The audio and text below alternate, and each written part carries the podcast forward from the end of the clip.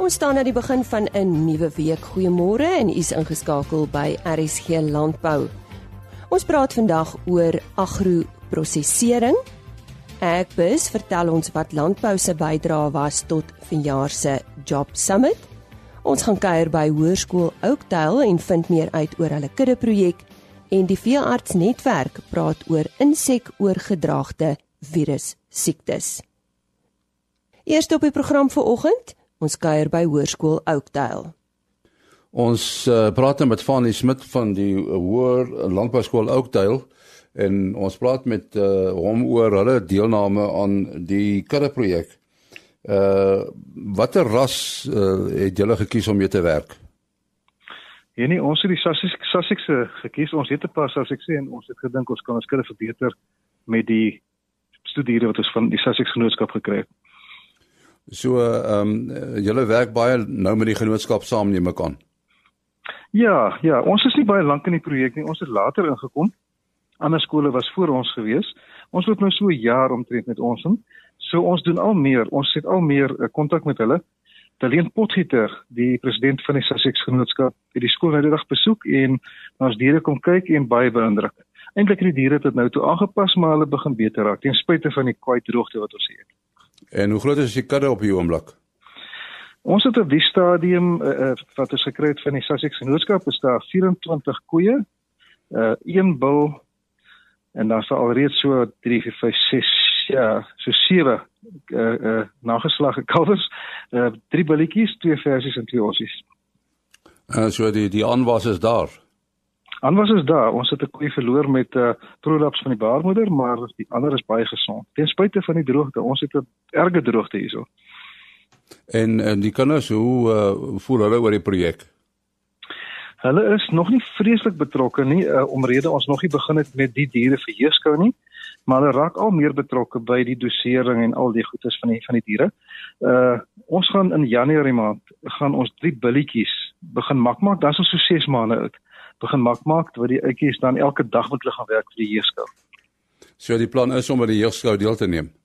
Ons gaan Januarie met drie billetjies begin ja, sodra die skool begin. En uh jy weet uh Oakdale uh, is is dit 'n gemengde skool in die sin uh meisies en seuns. Oakdale is net 'n seunskool tradisioneel al die jare. So dit sien die seuns wat met, met die diere werk of gaan werk. Dit gaan dit gaan net seuns hoe sit hulle te werk. Seker dit het hulle billig gekies het. Mm. En en natuurlik die die teeler self is ook taamlik betrokke. Jy het gesê die president het kom besoek af lê. Ja, sy het hier verbygekom uh, op pad na na Pieter Stoffberg hulle toe in uh, Rossenwil en toe sy by ons 'n draai gemaak. Sommige net kom groet en kom kennis maak en na die diere kom kyk. So hulle is nog nie regtig baie betrokke nie, maar sy was hier gewees, so dit is 'n begin. Daar sê baie dankie Fanie Smit van die Oakdale Landbou Hoërskool. Dankie Henny en nou aan die woord volgende Henny Maas weer en 'n gesprek wat hy gehad het met dokter Dani Odendaal. Ja, ons gaan met uh, hom gesels oor die beginsels van insekoorgedraagde virus uh, siektes. Nou, wat is die belangrikste beginsels wat mense na moet kyk Dani? Kyk, as ons oor beginsels praat, moet ons eerstens verstaan dat 'n virus siekte in die algemeen nie behandelbaar is uh in in vee nie. Ons het nie medisyne in vee waarmee ons virussiektes kan behandel nie. Uh boere bedink baie keer dat 'n uh, antibiotika teen virusse werk, maar hy het geen maar geen werking op 'n virus nie. So ons is beperk in die beheer van hierdie siektes omdat ons nie behandelings het nie. Dit wil sê ons moet nou probeer op 'n ander manier die siekte voorkom En die enigste manier in hierdie geval is om van 'n enstof gebruik te maak sodat die liggaam self die virus kan onderdruk wanneer die dier besmet word veral deur hierdie insekoordraagbare virussiektes.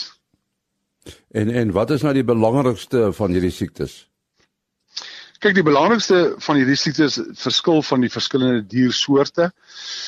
In beeste is ons heel belangrikste een knopvel siekte maar ons het ook 3 dae stywe siekte en dan het ons ook slengdalkoors wat nie algemeen elke jaar voorkom nie maar in lang siklusse voorkom. Slengdalkoors uh andersins kan ook al die ander vee aantas, hy kan ook bokke aantas en hy kan ook skape aantas.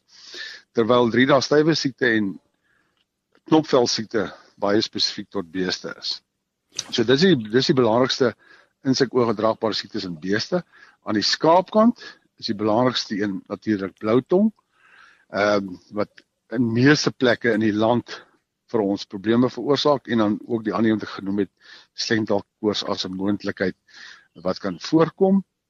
En dan in bokke, bokke het normaalweg 'n relatiewe goeie weerstand. Ons het nie groot probleme met insekoorgedraagde siektes of virussiektes, insekoorgedraagde virussiektes in bokke in Suid-Afrika nie.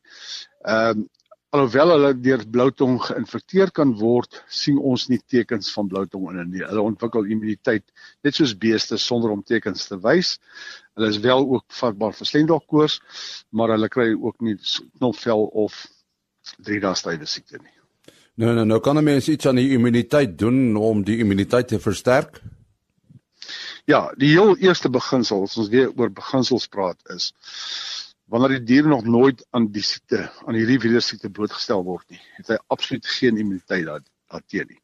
So as die siekte inkom en afhanklik van hoe lank die siekte vat om te ontwikkel in die liggaam, gaan hierdie virus nou begin verdeel en 'n virus is 'n is 'n dooie proteïenliggaampie wat binne in 'n sel ingaan en dan gebruik hy die sel, die liggaamsel se eie reproduksiemeganisme om te verdeel.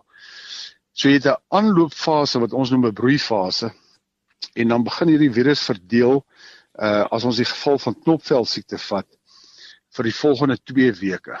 En 2 weke later is daar eers genoeg virus wat genoeg skade kan aanrig sodat jy hierdie uitslaan van die knoppe reg oor die vel sien en die skade waarmee gaan saamgaan en die koors en die dier wat nie wil vreet nie.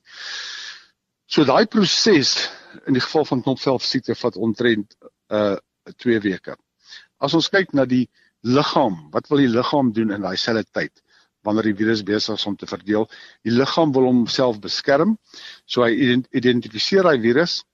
Die groot wit bloedselle doen dit dan aktiveer hulle die klein wit bloedselle wat 'n afdruk kom neem van daai virus en dan begin hulle die vorming van teenliggaampies en en wat ons noem killerselle. Nou daai proses vat ook 2 weke. Die beginsel rondom inenting is ons kan nie daai proses wat 2 weke vat eers hanteer as die dier siek word nie. Ons moet daai proses stimuleer in die dier voordat hy siek word en dis presies wat die enstof doen. Ons gee hom 'n verswakte stam of 'n dooie stam sodat hy proses van 2 weke van immuniteitsontwikkeling plaasvind voor die dier blootgestel word. Dit beteken dan as die dier blootgestel word, het hy binne 'n dag sirkulerende telegampies en ander selle wat dadelik daai virus kan herken en uit die stelsel uithaal. So die eerste inenting proses wat die dier moet deurgaan van 2 weke voor hy beskermende immuniteit het. Die tweede beginsel is sodra die dier een keer geënt was teen hierdie siekte, gaan hy as gevolg van hy vorige inenting geheue vorm. En hierdie geheue bly lewenslank in die dier.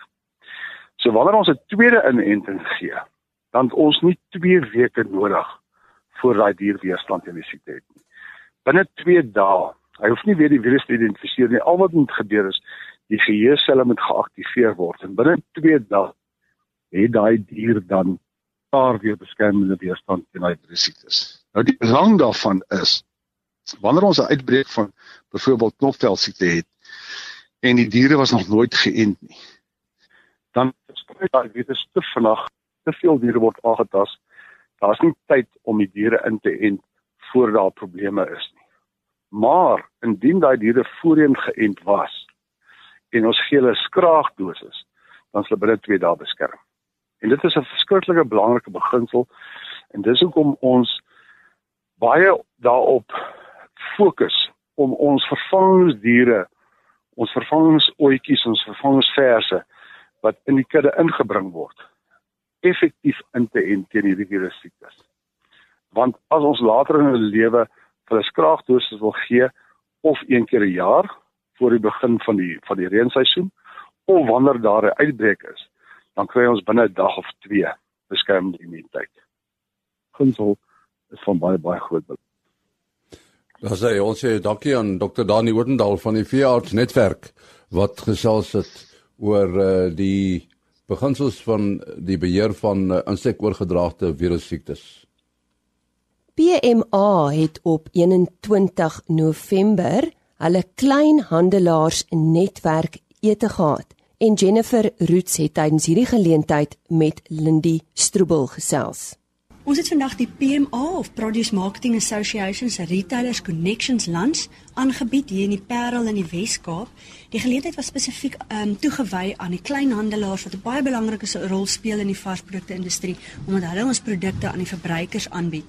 Nou die doel van hierdie hele geleentheid was om die industrie um, 'n platform te gee waar hulle kan netwerk in 'n sosiale om um, gemaklike omgewing en so verhoudinge en ehm um, die toekoms saam te kan bou vir die varsprodukte industrie. Deel van ons program het ons Prof Scott Drummy van die Food Lab by die Universiteit van die ehm um, van Stellenbosch gehad wat gepraat het oor die toekoms van voedsel in Suid-Afrika.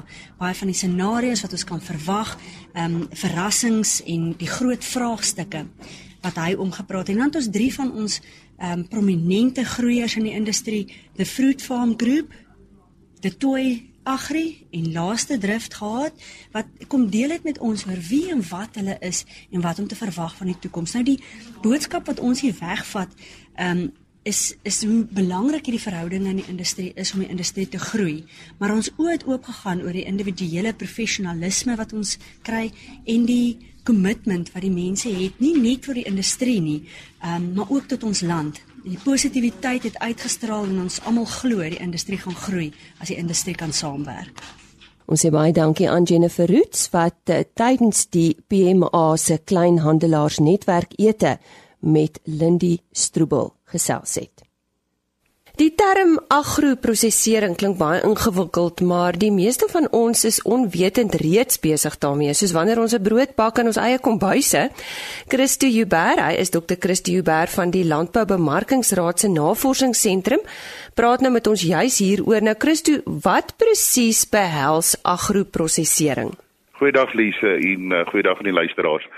Agroprosesering is die verdere verwerking van landboukommoditeite.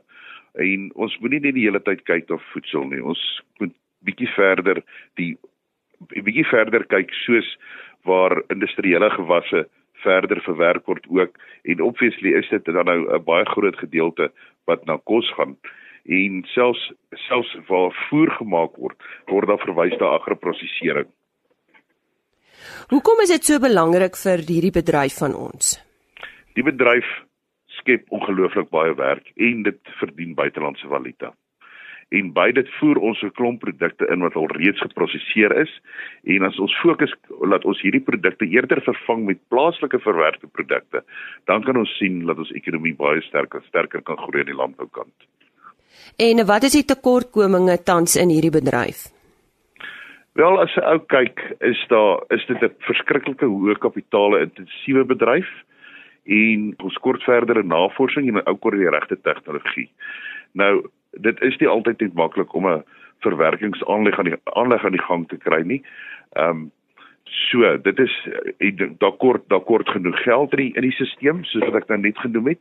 En ja, dan glo ek ook ons ons ons ons regering kan bietjie verder uitkom en ook weer 'n 'n klimaat skep waar verder investering in hierdie bedrywe nodig is. So hoe kan die ekonomie en ons praat hier nou van ek en jy en die res van Suid-Afrika daarby baat indien hierdie sektor verbeter? Die ekonomie sal verseker baat soos vir die uitbreiding plaasvind. Soos wat ek dan nou genoem het, ons soek 'n klimaat waar dan makliker geïnvesteer. Alhoewel die regering ook verder uitkom en klomp grants vir verdere prosesseringsaanlegte en dan is sit ons met met goed soos die die job fund. Ehm um, ons sit met 'n hele gedeelte by die departement van van handel en nywerheid wat kyk om te kyk dat hierdie ekonomie verder verder groei word en dat daar investering plaasvind en so ook dat daar werksgeleenthede geskep kan word. Nou Christo Julle, naamlik die Landboubemarkingsraad doen baie navorsing oor waardeketings waarvan agroprosesering nou een deel is. Uh, wat is vir julle opvallend hierso? Wel as 'n ou bietjie 'n paar jaar 'n paar jaar terug gaan dan kan 'n mens baie duidelik gesien het dat ehm um, ons byvoorbeeld soeibone uitgevoer het en dan die oliekoek ingevoer het. Ehm um, en dit maak nie vir ons sin nie. Daar is 'n hengse studie gedoen om te kyk waar se tekortkominge in die mark van dit is uitgewys. Departement van Handel en Nywerheid verder ook na die dat die uh ehm um, party toe gekom om dit so te stel en sekere insentiewe blootgestel wat wat verder gelei tot 'n klomp investering in die bedryf. En as ek so vinnig som noem, was dit op daai stadium iets soos 1.7 miljard rand investering waar verdere aanlegte opgesit word net om voer te maak vir vir ons ons hoenderbedryf. Kom ons gesels so 'n bietjie verder oor uh, verwerkte produkte en die ehm um, die invoer daarvan. Suid-Afrika voer op hierdie stadium nogal baie in. Uh, wat is die redes hiervoor? Eerste plek van daai produkte word in Suid-Afrika gemaak nie. Tweede plek is by die verbruiker se voorkeure. Soos whisky is een van die produkte wat verskriklik baie ingevoer word. Daar word ons ons Suid-Afrika produseer nie, produseer nie self reis nie. En maar dan soos wat ek soos wat ek genoem het, dis 'n klomp oliekoek wat tog steeds hier land inkom en sou ons net daai kan vervang met die sojabone wat ons hierso self eh, produseer, dan gaan dit 'n hele klomp werksgeleenthede geskep. Die sommetjie wat ons vinnig gedoen het is maklik oor 1000 werksgeleenthede wat ons net in die landbou kan skep. Dink jy Suid-Afrika kan internasionaal meer mededingend wees indien daar plaaslik van hierdie produkte vervaardig word? Verseker, Lise. Ehm um, ons sit met van die beste boere in die wêreld. En so sit ook so sit ons ook met van die beste sakemanne in die wêreld. En hierdie is nou baie meer sake gedrewe, maar goed as 'n ou boer ook aan die einde van die dag is, dan het dan dan moet jy jou boerdery soos 'n besigheid hanteer. En ek glo vas as ons as ons net bietjie ehm um, verder dink en verder bestuur wat ook al gaan ons verseker sien dat ons ons landbouverwerkings in subsektor baie baie meer ding kan wees. En dit het ook 'n invloed op werkskepping. Soos wat ek nou net genoem het Lise, jy's daar is daar is verseker 'n groot invloed op werksgeleenthede en dan moet 'n ou ook onthou, dis nie net die direkte werk wat wat wat geskep word nie. Vir elke rand wat gespandeer word eerder in Suid-Afrika, sien 'n ou dat daai geld weer 'n vermenigvuldiger effek het en so dan ook verdere werking skep verder af in die kettinge um in die stelsel. So Christo, wat kan beleidsmakers doen om hierdie deel van die ekonomie te verbeter? Lise, daar's 'n hele paar inisiatiewe wat aan die gang is. Verder dink ek ook ons moet nie net gaan staan en planne maak en planne maak en planne maak nie. Ons moet begin implementeer in die stelsel. Ons moet ons ons moet doeners kry. En ek verstaan daar is redelik inisiatiewe aan die gang om te kyk wat van hierdie goeders geïmplementeer word. Ja, sê baie dankie aan Dr. Christie Huber. Hy het met ons gesels oor uh, agroprosesering en hy is van die Landbou Bemarkingsraad. En nou praat Henny Maas met Agbus. President uh, Cyril Ramaphosa het uh, op die 4de en die 5de Oktober leiers van die besigheidssektor en ook die prominente vakbonde by die sogenaamde Job Summit verwelkom. Die landbousektor was goed verteenwoordig en 'n hele paar kwessies het tydens die geleentheid na vore gekom. Ons praat met Theo Bosso van Agbus wat ons nou meer gaan vertel. Theo, daar was al baie soortgelyke prosesse die afgelope paar jaar wat ongelukkig nie die gewenste resultate gelewer het nie. Uh, wat maak hierdie proses nou anders? Ja, nee, dan jy is 100% korrek. Daar was al 'n klomp sulke prosesse, jy weet, in die afgelope sommer 4 of 5 jaar. Die Operation Pakisa van 2016 is seker die beste voorbeeld van 'n proses waar ongelukkig weet wat goeie oplossings uitgedink is, maar on, on, ongelukkig toe nooit deurgesien was nie. Ek dink van die probleme met die vorige prosesse is dat daar was nie noodwendig ehm um, inkoop op die hoogste hoogste vlak nie. Hierdie proses die job summit ons weet kom reg uit van die presidentskap af. So mens kon sien in die die onderhandelings jy weet en in die werk wat wat vooraf gegaan het wat nie hier paar maande voor die job summit gebeur het dat daar geweldig druk is van die regering se kant om seker te maak dat besluit neem is die die DG's en die senior amptenare ook betrokke is sodat hulle besluite kan neem en hopelik in in, in hierdie verband dan is daar geen pad terug nie in terme van dat dit wel deurgevoer moet word. En en hoe kom die landbousektor kennis neem uh, van die Job Summit? Ja, so die Job Summit natuurlik die mik daarvan is om werk is om werk te skep om om om te dink van inisiatiewe wat werkskepping in Suid-Afrika gaan veroorsaak. Nou daar's 'n baie groot klem op die jy weet op die landbousektor spesifiek onder die nasionale ontwikkelingsplan voorskryf die landbousektor meer as 'n miljoen werk werksgeleenthede voor 2030 moet uh, jy moet moet maak. Nou daai syfer is daar is natuurlik vraagtekens of daai syfer regtig billik is of realisties is, maar die punt is daar was 'n geweldige groot druk op die landbousektor. So wat ons dan van Agbe se kant af en eintlik al die besigheidsorganisasies wat wat wat by Boesa is gebeur het, is ons argument was dat werkskeping sal kom as jy ekonomiese groei het. En om ekonomiese groei te stimuleer, moet ons met mededingend wees. So die die fokus wat ons op geplaas het is om te kyk maar wat is al die regulasies, wat is al die administratiewe bottelnekke wat mens eintlik uit die pad uit moet vat en met wat mens aan werk om ons om seker te maak die Suid-Afrikaanse landbousektor mededingend is. En op die ou ende het die die landbou uit al die ekonomiese ehm um, sektors meer inisiatiewe op meer opgekom as as enige ander sektor in die ekonomie. So daar's 'n geweldige sterk fokus op landbou en job summit. En en uh, wat is die geleenthede wat uh, in die landbousektor gebied word? Kan jy 'n bietjie uitbrei daarop? Ja, sekerlik. So daar's 'n klomp inisiatiewe. Die een is die sogenaamde Road to Rail waar daar byvoorbeeld is om om, om jy weet inisiatief om te probeer van die die die die bulk landbouprodukte te skuif terug na die spoorweë toe. Dan is natuurlik grondhervormingskwessies wat wat ook bespreek was, jy weet 'n paar positiewe stappe daarso, sowel as bedryfspesifieke kwessies. En ons kon amper 'n uh, wenslys neergesit het in terme van wat is al die regulasies wat op die oomblik problematies is, wat of nie oordenklik geïmplementeer word nie of wat se struktuur self problematies is om te kyk wat se oplossings mense mee kan opkom. So dit plaas natuurlik 'n verantwoordelikheid op die landbousektor, nê. Nee, uh, wat word van die sektor verwag? Ja, daar's daar's beslis 'n verantwoordelikheid. Ehm um, die die goue vrede, as ek dit amper so kan sê, jy weet of die die doel is eintlik maar om vennootskap om 'n vennootskap te werk, die private sektor saam met die publieke sektor om hierdie kwessies op te los. So dit bied natuurlik 'n verantwoordelikheid op die op die private sektor om om na na, na die tafel te kom jy met oplossings, wel van die oplossings is al reeds voor ingekom om nou seker te maak dat word hier gesien. Maar dieselfde tyd skep dit ook natuurlik ge, uh, geweldige geleenthede. En die pad vorentoe, uh, hoe maak ons seker dat die geleentheid benut word? So die vir die die werklike ehm um, job summit, jy weet wat die wat die 2 Oktober was, was eintlik maar net uh simbolies. Meeste van die harde werk het voor die tyd binnekant uh netlek plaasgevind waar die die regtig onderhandelinge gebeur het. En ons is nou tans besig om 'n raamwerk jy, jy weet bymekaar te sit vir die volgende 2 en 3 2 of 3 jaar om te kyk hoe mense na hierdie ondernemings wat gemaak was kan bewerkstellig en wie verantwoordelikheid neem daarvoor. Jy het nou gepraat van die Road to Rail inisiatief. Uh, moet die landbou 'n uh, 'n sekere rol daar speel? Ja, beslis. Ehm um, internasionaal is die, is die standaard dat die bulk ehm um, produkte landbouprodukte soos byvoorbeeld graan is omtrent 5 maal goedkoper as mens dit op die spoorweë vervoer teenoor teenoor pad vervoer. En in Suid-Afrika is dit teenoorgestel, dit is 2 maal duurder.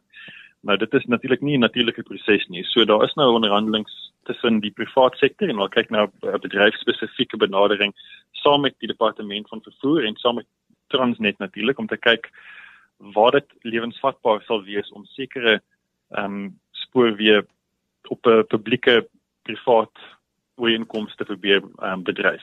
In ander woorde as daar spesifieke silo is of 'n spesifieke uh produsente area wat kan baat daarvan om in waar die bedryfsorganisasie of landboubesigheid saam met Transnet 'n uh, spesifieke stuk van die spoorweg te bestuur. Jy het gepraat van grondhervorming wat genoem is en wat van landbouontwikkeling het, het dit ook ter sprake gekom? Ja, beslis. Ek dink um, op op die oomblik is natuurlik onmoontlik om 'n landbou te praat sonder sonder om grondhervorming te praat en en baie van die werke wat geskep kan word deur grondhervorming is eintlik vir klein besighede. So dit is dis wysgeleenthede ook.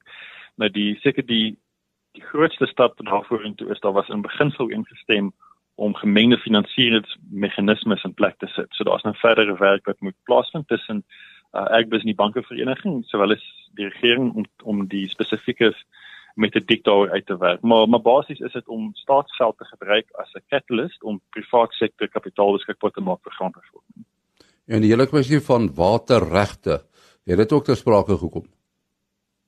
Ja, dit is beslis uh, ter sprake gekom en daar's 'n klomp regulatoriese aspekte van die waterregte wat aangespreek moet word. Ons weet dit op die oomblik is dit is dit 'n 'n lang uitgerekte proses wat wat ook natuurlik finansiële implikasies het as jy hidroloog moet aanstel om jou te help met 'n aansoek vir wat vir waterregte. So ons kyk dan om saam met die departement te werk om daai regulasies te sien om dit nommer 1 vinniger te maak en ook makliker te maak om 'n waterreg te bekom deur om te kyk watse inligting is werklik nodig dat die deskundige dit moet 'n verslag skryf en watse inligting kan die landbouer self bymekaar maak in vir departement DSD. So dis alles om die die, die kostes te probeer afkring om die mededingendheid te te probeer verbeter. En het julle gepraat van 'n tydraamwerk oor al hierdie kwessies? Baie van die werk moet nog moet natuurlik nog die die detail moet nog uitgewerk word. So ons is tans besig om 'n 'n 'n raamwerk vas te stel om te kyk na die volgende 2 of 3 jaar. Van die prosesse soos die road rail is daar reeds goeie inisiatiewe wat in die gang is wat uh reeds begin het. Dit is natuurlik nog steeds 'n lang pad om te stap. Waarvan dis veral wat daar wetswysigings nodig het, kan 'n langer tydperk vat tot tot en by enigiets van 4 tot 4 of 5 jaar. Maar ons is baie besig om ooreen te kom met 'n raamwerk om te kyk om spesifieke teikens te stel en ook om data te stel wie verantwoordelikheid is. Ons sê dankie aan Theo Boshoff van Agbus. Onthou môre oggend weer by ons aan te sluit vir nog RC landbou nuus. Totsiens. RC landbou is 'n produksie van Plaas Media. Produksieregisseur Henny Maas. Aanbieding Lisa Roberts en inhoudskoördineerder Jolandi Root.